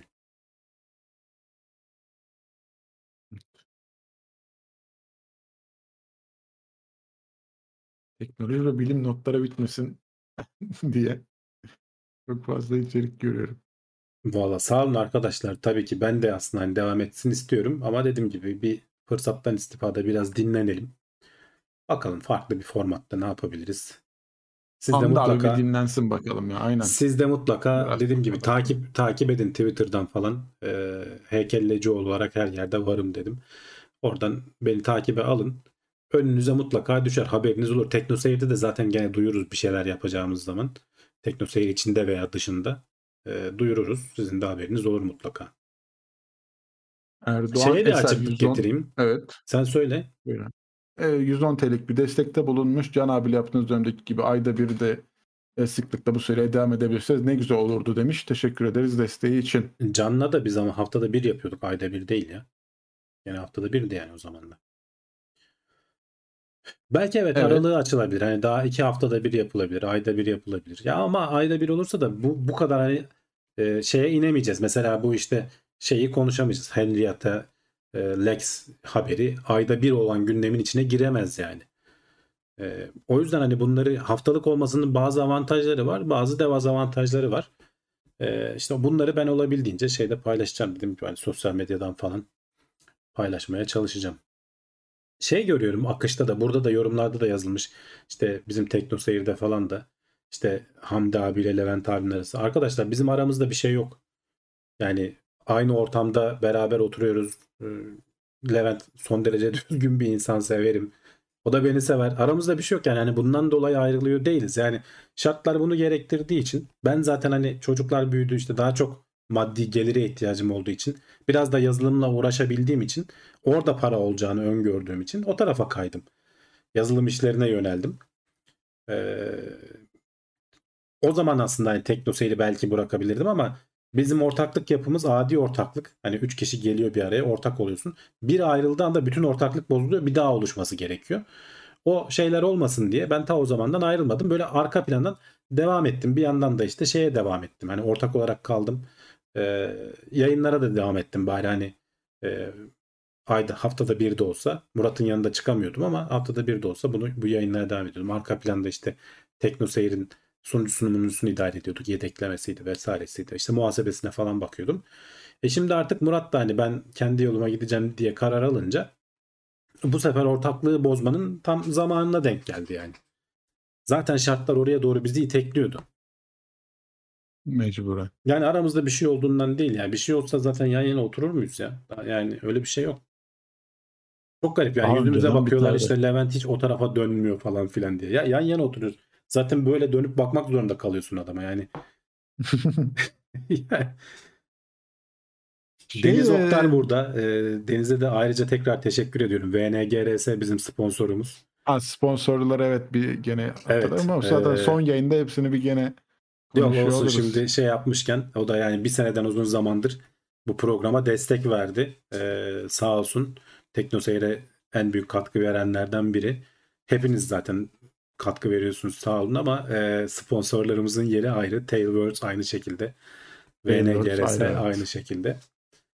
Ee, bakalım ya ilerleyen dönemde dediğim gibi hani gene bir şey yaparsak mutlaka haberiniz olur konuşuruz zaten. Ee, şimdilik daha bu bunun artık hafif sonuna doğru geliyoruz. 3 yayınımız daha var diyebiliriz yani. E, müsait olursak ya da Cevdet abi de müsait olursa bir yayına almakta fayda olduğunu düşünüyorum ben de gene. Olabilir. Hı hı. Şey yaparız. Ee, sorarım gelecek haftalarda. Hı. Katılmak isterse katılsın. Güzel olur. Arkadaşlar ben de gidiyorum yani. Benim TSL zaten bir bağlantım yok. Ee, Volkan da bize bunu tamamen destek Evet. amaçlı burada arkadaşlar. gönüllü Volkan sizlerden olarak- sizlerden biri Volkan zaten. Yani içinizden çıkan Aynen. biri. Cevdet'in işleri nedeniyle işte bir süre bir, bir seneden fazla bir zaman Cevdet benle beraber yayın yaptı. Yalnız kalmayayım diye. Cevdet'in işleri nedeniyle e, şey yapınca ayrılmak zorunda kalınca sorduk hani var mı bir destekleyecek diye. Volkan geldi sağ olsun. Uzunca bir zamandır onunla birlikte götürüyoruz. Aynen. Pek çok da Ben de negatif yoruma da maruz kaldı ama Volkan gitsin diyordunuz gidiyor. gidiyor. Volkan da gidiyor. Gidiyorum işte. Sıkıntı yok. Yani valla ben de hani sizin kadar şeyim çünkü ben de her hafta buradan bilgiler öğreniyordum. Benim için de güzel oluyordu. İnanın sizin kadar üzgünüm yani ben de ama yapacak bir şey yok. Ee, ben de ayrılıyorum yani hani mecburen. Bana ulaşabileceğiniz bir yer var. TS'den genelde orada oluyorum. Başka sosyal mecraları kullanmıyorum. Ee, oradan ulaşabilirsiniz gene. Ee, orası da kapanırsa yapacak bir şey yok artık.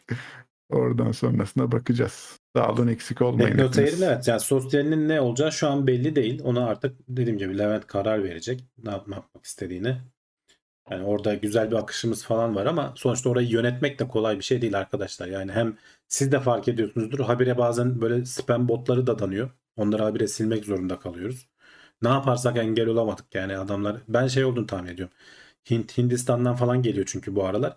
Bizzat insanların başına oturup elle kopyala yapıştır yaptıklarını düşünüyorum. Çünkü hiçbir türlü her türlü kapçayı falan açıyorlar. Zaten hani ChatGPT falan açıyor artık öyle şeyleri de e, bir şekilde aşıp geliyorlar. Yani ne kadar engellemeye çalışırsan elle kontrol edilmesi gerekiyor. Onun dışında bir de tabii karşılıklı hakaretler bilmem neler moderasyon zaten gerekiyor. Yani kolay bir iş değil oranın yönetilmesi. O yüzden ne olur bilmiyoruz. O yüzden de hani ben TeknoSeyir'den bizi zaten takip edin e, akış olduğu sürece ama olmazsa diye de diğer alanlardan da bizi takip edin. Yani Twitter, Twitter'dan dediğim gibi Threads'ten. Threads'i kullanan kaldı mı ya? Bir eski tadı yok herhalde. O ilk günlerde bayağı bir olay olmuştu. Sonra şey oldu. Threads çok hızlı yükselen ve çok hızlı düşen kullanıcı sayısıyla zaten bir rekor Ya kırmadı. bakıyorum ya. arada hala bir şeyler yazanlar oluyor. Şey yazıyor millet genelde. Hepiniz beni burada bırakıp gittiniz değil mi falan yazanlar görüyorum. Kandırdılar herkesi. Twitter gene bir gün çökerse ya da bir şey olursa e, onun şu şey devam ediyor mu? Belli bir sayıda gösteririm yok sonra göstermem şeyi bitti herhalde değil mi? O bölümü kapattılar komple. Hani O- bin, bin tane gösteririm başka o- da tweet göstermem. Ya o bir dönem herhalde sunucu yükünü falan düzeltmek için mi ne yaptılar? Hani o Google'ın parasını ödemediler falan hikayesi oldu ya bir dönem. Sanki orada bence onu bir bahane edip işte saldırı altındayız botları engellemek için böyle bir şey yaptık falan deyip ya da başka bir şey denediler ama çok tepki alınca geri gel bastılar falan öyle bir şey de olabilir. Şey sormuşlar TeknoSeyir'de kim kalıyor? TeknoSeyir'de Levent kalıyor. Bir de bizim İsmail var. Arka planda işte bizim videoların editlerini yapan, bütün fotoğrafları çeken, videoları çeken falan arkadaş. Şu anda o ikisi kalacaklar. Ee, onun dışında işte oyun gündeminde hani Uğur, Tansel devam ederler mi? Edecekler gibi anladım ben yorumlardan. Çünkü Levent dün bir açıklama yapmış. Onlar da hani sanki konuşmuş da devam edeceklermiş gibi. Ee, herhalde devam ederler hani oyun gündemi. Gene Umut da Umut da devam ediyor. Ha, Umut. Um- Umut da e, Umut Koçak bizim diğer e, kulaklık incelemeleriyle de tanıdığımız kulaklık tam bir kulaklık canavarı ya. Adamda bir her türlü kulaklık var. Var. E, laptop şey laptop diyorum cep telefonları falan incelemesi işte e, önerileriyle Umut falan herhalde devam eder ama tabii bir değişiklikler olacaktır illaki. Onu da biz de göreceğiz açıkçası bakalım. Yeni heyecanlar. Bilmiyorum benim en çok üzüleceğim nokta sosyal kapanırsa olur. Sosyali seven ayrı bir kitle de var çünkü. Ya evet orada kendine ihtimalle o da ke- gidici ya yani. açıkçası ben de oradan bir sürü bir şey görüyorum. İlginç haberler görüyorum. Ee, ilginç ha- haberdar oluyorum bazı şeylerden. Hani benim hiç Twitter'da denk gelmediğim şeyleri orada görebiliyorum. Eğer kapanırsa benim için de bir garip olacak. Çünkü hani o zaman işte yer arayacağız. Yani nereye gidilir bilmiyorum ki hani bu, bu tarz içerikleri yapan neresi var hani şeyler var. Kendince hani bir Discord kanalı falan kuranlar var. Ee, Teknoseyir'in vardı zaten bir Discord şeyi. Bilmiyorum Evet. orası hala aktif mi ama. Aktif, aktif Discord kanalı var. Ama hani çok da öyle hani şey aktif dediğimiz çalışıyor manasında ama içerik üretip yazmak gene kullanıcıların inisiyatifinde yani. Bilemiyorum. Discord hiçbir zaman yani hiçbir yer teknoseyrin sosyaline yerini tutmayacak. Orası ayrı da. Biz onu bozukluklarıyla severdik diye. Yorumlara şey ana konuya yorumların görselinin girmesi. Bunları hep göz ardı ederdik. Problem yok. Olayları bu kadar büyütmezdik ama bakalım. İsmail de kamera önüne gelsin bari demişler. İletelim İsmail'e. Belki gelir. Belli mi olur? Gerçi daha önceden söyledik ama hiç ilgilenmedi. İncelemelerden ziyade sizi takip ediyordum demiş Samet. Sağ olsun. Takibe devam Samet dediğim gibi diğer şeylerden, sosyal mecralardan takibe devam. Ya herkesin sevdiği bir bölüm var. Teknoloji bilim notlarını seven ayrı bir kesim var. Sağ olsunlar. Hani eee, ama diğer eee, kanalları da inanın hani burada olmayıp e, sırf oyun gündemini izleyen, burada olmayıp sırf eee, işte haftalık değerlendirmeyi izleyen arkadaşlar da var. Hani biz de burada kendi yerimizdeydik. Eee, yapacak bir şey yok. Geriye kalanlar için devam. Abi Gamen de vardı. O kimin fikriydi demişler. Ne bileyim bir oyun kanalı kuralım dedik o zaman. Ee, öyle de bir isim geldi aklımıza. Ee, Cantu başladı, vardı oraya. bitti. Cantu başladı. Oraya bayağı bir incelemeler falan yaptı. Biz de yaptıydık galiba yanlış hatırlamıyorsam TeknoSeyir'den bizim de incelemeler orada da çıktığı da oldu ama sonradan hani oyun kanalının bambaşka bir iş kolu olduğunu falan gördük. O kadar ilerlemedi orası. Otoseyir vardı mesela. Can bayağı bayağı içerik üretiyordu oraya. O da Hı hı. hani o kadar ilerlemedi. Gelire çeviremedik. Pek çok nedenden dolayı işte hani şartlar uygun olmadı vesaire vesaire. Evrim Ağacı da giderse benim için teknoloji kanalı kalmamış olur. Evrim Ağacı gitmez ya. iyi gidiyor onlar. Bayağı izleniyor videoları. Çağrı'nın videoları. Güzel de oluyor. İçi de dolu. Hani boş videolar da değil. Destekleyin ama. Yani hani gitmemesini istiyorsanız arkadaşlar destek atacaksınız yani. En, en küçük paketi en azından alın. Desteklemek lazım. Yine gelecek bilimde olaylara da referans olarak gönderelim. İyi olur. Belli olmaz ya. Bir baktınız abi açmış YouTube kanalını. Kanalıma hoş geldiniz. Bugün Merhaba kanalıma hoş geldiniz. Evet. Bugün TUA'yı konuşuyoruz. Bakalım neler yapmışlar astronotlarımız diye. Girebilir hikaye. Hiç belli olmaz. Ya olabilir. Ben dediğim gibi ben şey olarak düşünüyorum. Hani önce bir sosyal medyadan böyle ara ara düzensiz bir şeyler paylaşırım diye düşünüyorum. Sonra bu editleme işlerine falan elim alışırsa bir de zaman bulabilirsem e, belki kanal manal işleri de olur. Neden olmasın? Ama Allah yani pek işine- çok çok da heveslenme yani. Şu anda çok da öyle bir şeyim yok. Sadece hani bir kapı yani. Olabilir diye Hı hı. düşünüyorum. Çok vakit isteyen uğraşlı işler. Tabii tabii. Yani Bilmiyorum. hazırlanması. O yüzden ben hani şimdi bu canlı şeyin e, video kısmında bir hazırlama yok. Mesela bunu konuşuyoruz hemen yayına giriyor. Bir sürü hata da yapıyoruz vesaire falan ama ötekinde yani editleme işleri falan girdiği zaman hem araştıracaksın hem çekeceksin hem bir de editleyeceksin böyle işte görüntü Evet, bir de koyacaksın ona da mesai harcaman Ona da zaman harcayacaksın. O yüzden ben Evet. şeye biraz kayıyorum ister istemez hani ya Twitter'dan veya işte YouTube Shorts'tan atayım yani çekeyim çekeyim atayım. Siz de böyle anlık olarak görün. Hem de böyle uzun bir, bir buçuk saatlik videolar algoritmada iyi sonuçlar vermiyor diyorlar. Hani onun da ayrıntısını çok bilmiyorum ama böyle başlığı belli olan, özeti belli olan e, algoritmanın da seveceği 5 dakikalık, 10 dakikalık videolar belki daha iyi olur. Belki daha iyi bir yere gider. Sizde de her gün içerik çıkar. Böyle haftada bir değil de sohbeti de gene yaparız ya. Arada açarız yayın. canlı yayın var. Gelin Şey sohbete gelin diye. Murat abi Instagram'dan yapıyor. Çayını alıyor. Çay bitene Değil kadar mi? canlı yayındayız diye. Ama o Onlar çok bir de ya. yazıyor ya. Ben o yazmaya üşenirim ya. Evet evet. Baya, bayağı Yazılar yazarak cevaplıyor. Bir de canlı canlı, yayın yapıyor mu? var. Yayın yapıyor mu? Ben hiç görmedim Yapıyor yapıyor. canlı Canlı, yayın. yayınları da çok ilginç ya. Açıyor. Geçen şeyi gezmiş. Nereye?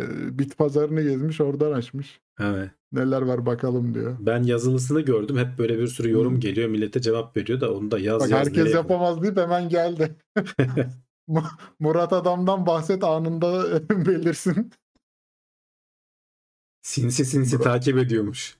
Aynen aynen hiçbir şey de yazmıyor. Ya tam tam influencer ya. Tamam o Murat abi oldu zaten canım. Ona daha yapacak bir şey yok. Bundan sonra Murat sırtı yere abi- gelmez. Aynen. Kendi kanalı da yani orada kendi içeriklerine devam edecek. Onu da söyleyelim gene buradan da Murat abinin kendi kanalından ulaşabilirsiniz. Onun kendi üreteceği ve yapacağı işlere bundan sonrası için de yine onu da takip almayı unutmayın.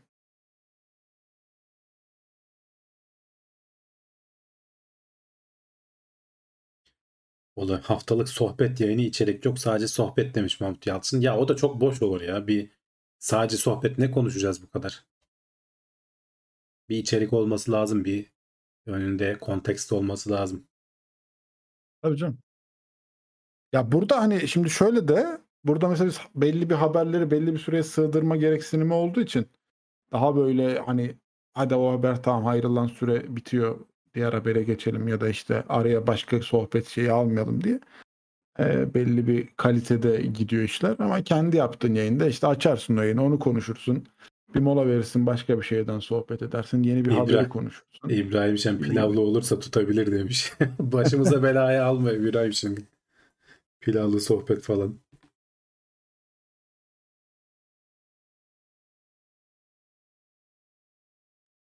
Evet. Oh. O Murat Gamsız da demiş ki bak gelecek WWDC'yi yerinde senden izleyelim abi. Murat'ın, Apple'la barışması mümkün mü bilmiyorum. Yani Murat Samsung tarafından Murat gider. Murat tarafından olan bir şey değil ama hani Apple'da bizde hep Apple tarafında sorun oldu yani. Hani Murat'ın bir suçu yok veya TeknoSeyir'in bir suçu yok. Bizi adamlar sallamadılar. Özel olarak ofislerine falan da gidip yani anlattık ama demek ki bir şekilde ikna edemedik. Yayınlar silinecek mi diye sormuş abi Evren Yok Mercan. canım niye silinsin? Onlar TeknoSeyir'in malı yani. Niye silelim? Bu yayınları yaptık orada.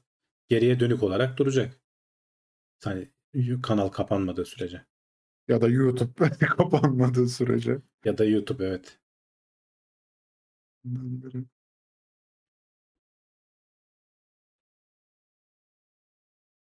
Evet. Güzel bir maceraydı. Evet canım çok da öyle şey konuşmayın. Hadi başka konular varsa onlardan konuşalım. Daha buradayız. Sizde arşivi var mı videoların demiş Freeman. Bende yok valla. Aslında indirmek lazım ama çok var ya. Bir buçuk saatten yüzlerce şey içerik. İndirmesi de ayrı bir dert. Ya bir daha yenilerini çekeriz deyip indirmem ben herhalde onları. Bir şey olacağını Tabii ki. zannetmiyorum ya. Hı.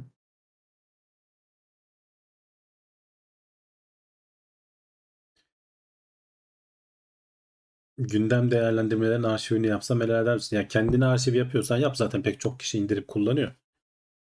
Ama alıp da kendi kanalına koyma yani arşiv yapacağım diye. Abi arşivledim. Nerede? YouTube'da. İzleyebilirsiniz izlediğiniz zaman. yani haftalık gündem değerlendirmesi bilmiyorum ne olacak. Yani o teknoseyrin olmazsa olmaz. Bir şekilde yani tek bile olsa Levent tek başına yapar. Ama Murat'la beraber olur mu onu bilmiyorum. Onu konuşup karar verecekler işte daha. LK99 şu an hayatımızda olsa neler değişirdi? Geçen hafta biraz konuştuk. Çok şey değişebilir. Yani pil teknolojisinden tut da ısınmayan devreler yani e, verimlilik inanılmaz artacak her konuda. O yüzden yani hakikaten insanlığı komple değiştirebilecek bir şey. Oda sıcaklığında süper iletken bir şey üretebilsek çok acayip bir noktaya gider her şey. Ama çok büyük bir olay. Yani hakikaten uzaylılar dünyaya geldi gibi bir olay yani. Hani çok net kanıtlarının ortaya konması lazım. O yüzden acele etmiyoruz. Hani bir herkes bakalım bir denesin. Zaten hani öyle bir şey çıkarsa adamlar 2 sene 3 sene sonra Nobel'i de verirler yani. o yüzden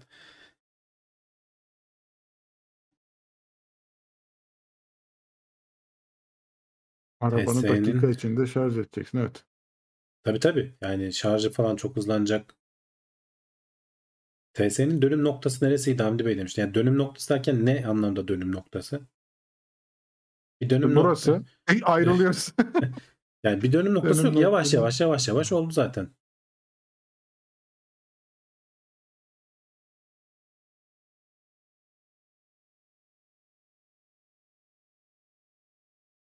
Sonraki Nobel'leri insanlara vermeyecekler zaten demiş TVSS. Evet. Yani hakikaten bir yerden sonra çünkü fikirleri de uyduran ChatGPT'den bahsediyoruz. Araştırmaları da yapar, bir makaleyi de yayınlar, Nobel'i de kendi alır.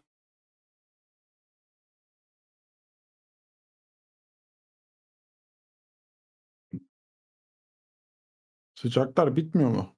Nedir durumlar? İstanbul nasıl? Sıcaklar iyileşecek diyorlar. Artık biraz serinleyeceğiz. Yani Ağustos'un ortayı geçtikten sonra biraz rahatlar zaten.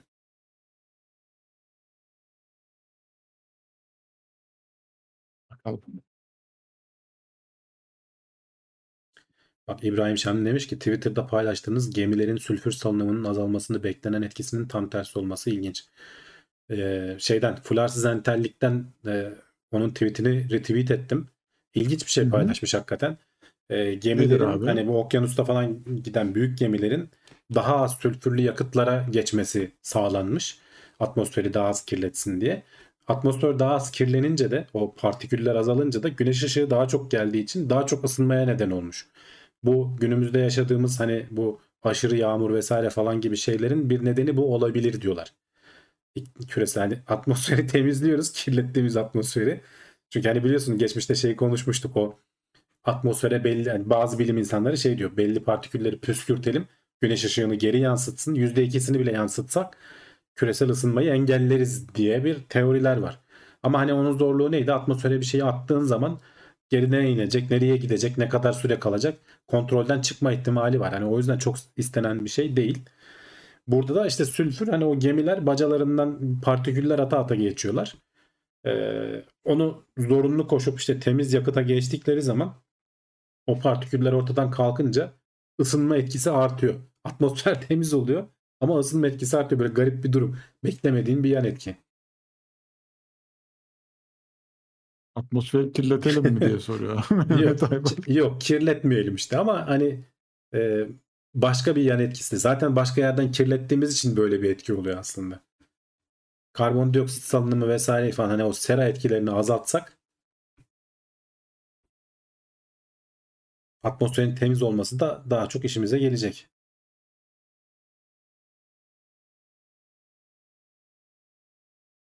Bir ara kutupları beyaz örtüyle kapatma haberiyle okumuştum burada. Gidi günler ey demiş Cansel.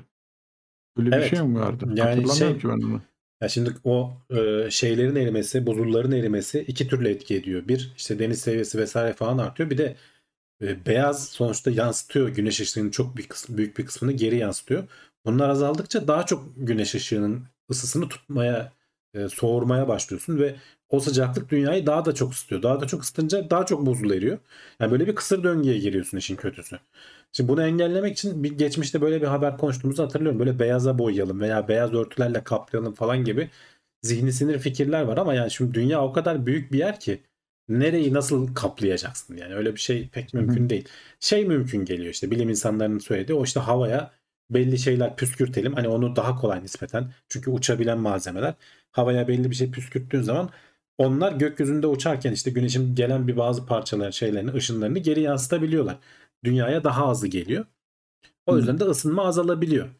Ama onun da işte atmosfere yan etkisi olur mu olmaz mı falan tartışmalı bir konu yani. Öyle çok da kolay hemen Peki- yapalım diyebileceğimiz bir şey değil. Yani şey olmuyor mu? Mesela şimdi bu e, dünyadaki suların tamamını düşündüğümüzde okyanuslarda ve denizlerde belli akıntılar bir noktada toplanıyor ya aslında hani çöp havuzları falan var hani o noktalarda. Çünkü bütün akıntı oraya alıyor götürüyor pisliği. atmosfere göndereceğin bir e, partikülün de belli bir noktada toplanma e, durumu olmaz mı yani böyle bir durum? Ya olabilir. Atmosfer hani o deniz akıntıları kadar öyle çok şey değil. Daha kaotik herhalde. E, bildiğim Hani mesela kadarıyla. gene dönüşün etkisiyle bile mesela daha böyle şeylere yakın e, eksene yakın bir noktada toplanmaz mı yani mesela kutupları Yani kapatabiliyor o- musun? Ee, ya kutuplar değil zaten mesela. Daha çok aslında dik güneşi dik alan Hı. yerler, ekvator bölgeleri falan oraları bir şekilde Hı. hani kapatman lazım. Kutuplara zaten eğik geliyor aslında. Çok fazla bir Hı hı. sıcaklık gelmiyor. Yani bilemedim hani o denizler gibi bir akıntı atmosferde de var mı acaba diye aklımda soru işareti oluşturdu. Hı, Bak Samet Şey, demiş yani, ki yani etki olarak olabilir. Evet. kısım kısım video çekebilirsin. Güney Kutbu keşfini anlatımı ilgi çeker benzer içerikler. Yani evet böyle bir hikayeleri böyle ağır darda e, kendi bilim dizimizi çekebiliriz. Hani uydurma senaryo değil de böyle bazı konuları hikayeleştirebileceğimiz bölümler olabilir. Benim mesela hoşuma giden şeylerden biri yapmayı belki hani ileride düşünebileceğim. Bazı bilim insanlarının hayatı. Mesela adamlar ne gibi şeylerden geçmiş. Vardır belki böyle videolar zaten YouTube'da bilmiyorum hiç ben denk gelmedim ama bu tarz şeyler belki yapılabilir haberlerin yanında. Ama hani şu an için değil dediğim gibi biraz benim zaten hani gündelik iş yüküm fazla hafta içi. Hafta sonu biraz daha dinlenirim diye düşünüyorum.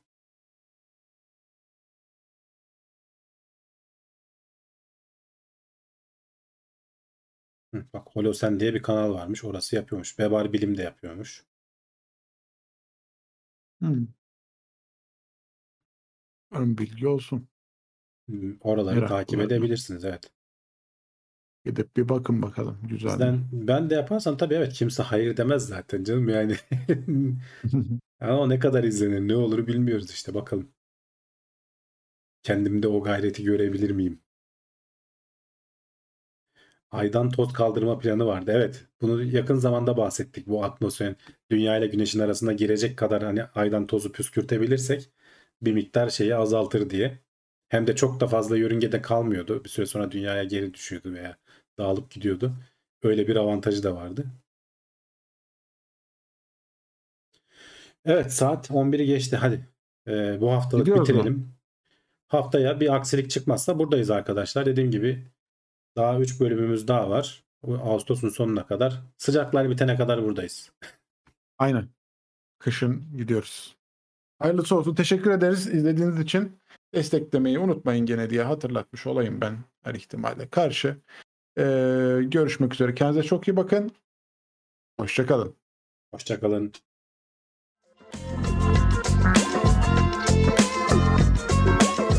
Tailwords teknoloji ve bilim notlarını sundu.